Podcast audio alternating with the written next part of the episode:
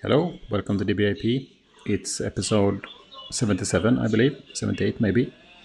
And um, I'm in Sweden right now, south of Sweden, Malmö. Uh, quite close to the water. I can see the bridge over to Denmark from here. I'm here with my kids now, so we have moved here. And uh, it is an interesting thing that we have done. And it was in the planning for some months. Uh, and uh, takes time to move.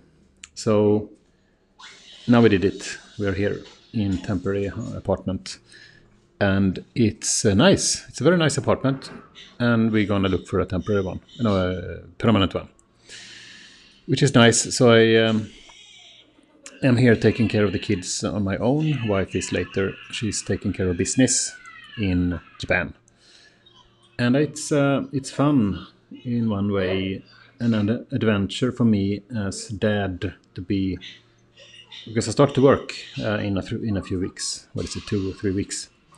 And uh, until then, I'm setting things up here. So I'm thinking about going to buy uh, one of those bicycles with a box in front, so we can travel around here because it's not so big. Malmö, it's quite small, just uh, maybe 200,000 people living here.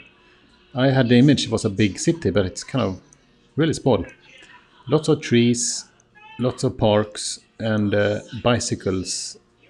Uh, so many bicycles, people on bicycle with helmet most often, and they are traveling around the city to drop off kids on school, go to work, run some errand maybe, maybe go to the post office. No, you don't go to post office. That's also one thing in Sweden. They have kind of there are no post offices or uh, banks or stuff. You do everything online with um, and it's an app for everything here. You, you, can't go to the bathroom, public bathroom, without downloading an app. You need to when you park your car, you have to download an app. You you order food obviously with app. You buy bus tickets via an app.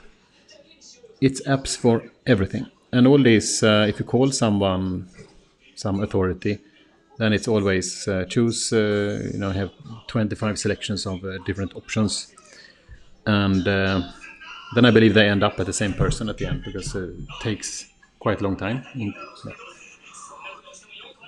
But it's nice to be here in a way. It's um, it's an adventure of life life adventure. I have so many sort of these kind of crazy things uh, because i'm i feel i'm kind of kind of uh, it's important to me to have control over my life. And um, you know take it easy don't take any risks. But i have i mean as long as i can re remember it's just been accelerating this uh, craziness.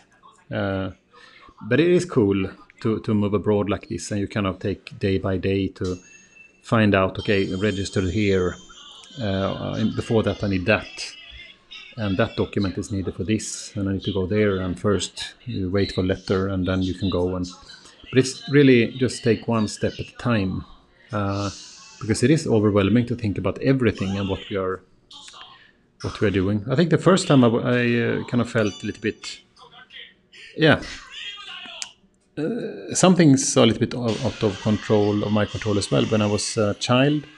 I mean my grandfather was a football player and he was playing for this team that wasn't very popular among the other children. So I got teased a little bit for for that, and I felt felt bad.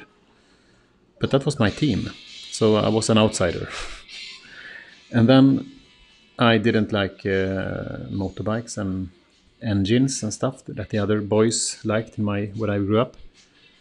I like to write and uh, produce radio shows and uh, produce comedy uh, and um, and then uh, just every, so many things. I went to Italy while everyone else went to, well, not everyone else, but if you went over, abroad, it was London.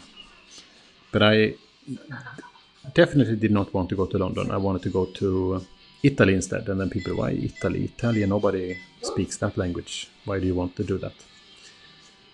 And so on. Japan, back and forth. And now Sweden. So, I am thinking a lot about these families that sometimes just I mean, some families, very common in Sweden at least, that you're stuck in the squirrel wheel, which means that you, I don't know if it's a squirrel, they, um, if you have a cage at home with a squirrel or similar animal, hamster maybe. Squirrel, what is that? Yeah, squirrel. The one in the tree there with the long tail. Chippendale. They are stuck in a squirrel wheel. Just everything spins around, just running, running, running, but don't get anywhere. That's kind of a common that people say in, in Sweden. Um, and then some people also who on TV, sometimes TV programs about family who live different lives. They maybe they just take a year off work and school and everything and take the whole family with kids out on a boat trip around the world or um, or similar. I think about those families. That's I mean those kids grow up at least. I mean they miss one year of school and everything, but it's some other values. And now I move here with my kids and they understand Swedish, but they're not fluent at all. So it's going to be tough for them in the beginning. They will struggle. It will be tough. It will be tough. I need to really be there for them, and I will be there for them. Uh, but they will have a tough time. But in the future, they will look back on it and, and see that it was a big learning for them. And I'm so dedicated to make it positive. Hmm. Yeah. Uh, here come the next segment. Yes, and I want to say now we have um, episode 77 or something like that. But I want to say thank you to some, some listeners here, and I want to come back to some of you here with, uh, um, for example, uh, Loretta. Loretta, I hope it went well with your homegrown melons. Not melons, lemons. Because you, you said that you have been planting lemons in your uh, window with just planting one seed and then see if you can actually make it grow as a, as a, as a tree and get a new lemon. Uh, I hope it goes well. I think uh, you should uh, know that it takes some time. You can Google it. Just Google how to grow a lemon tree, and then you will probably find out how it works. And how, how long it takes. Yeah. And then we have Dan. Hello, Dan. I like your name. Um, Daniel is close to Dan, but Dan it's an it's an it's an it's a very common up here in uh, Scandinavia in Denmark, and and I think it means man from Denmark actually. Anyway, I think it's good that you have bought one of those box bicycles, cargo bi bikes.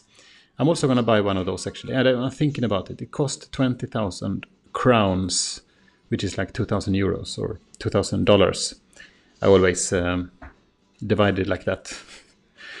rough, roughly. Um, but it seems nice to have, and kids can just roll with them. You can take them anywhere. You can go grocery shopping or whatever you want, and uh, looks nice. So I'm very tempted as well to buy one of those. Well done, Dan.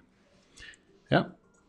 And then we have uh, Brown. I'm not sure what your uh, first name is there. Brown. I don't sure if it's a Mister or Miss or or what kind of pronouns you use. I mean, I don't know what pronouns you use. Uh, I mean, who cares? Not important. Brown.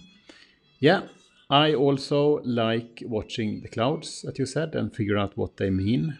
Uh, for example, now I'm looking at some clouds and I can see a, a comb, a comb, comb that you comb your hair with. I can see uh, a small dog riding on a turtle, and the turtle is stretching out the neck or maybe the small dog is jumping on the turtle, the turtle is trying to flee.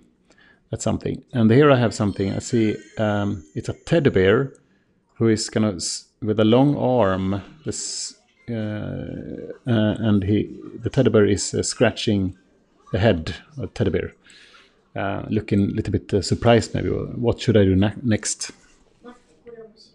Thank you. So thank you. And yeah, I just want to let you know, all the listeners, that. Um, Thank you for listening. I'm so happy, and I can see that I have uh, I have listeners every month, every every episode, and it's going up.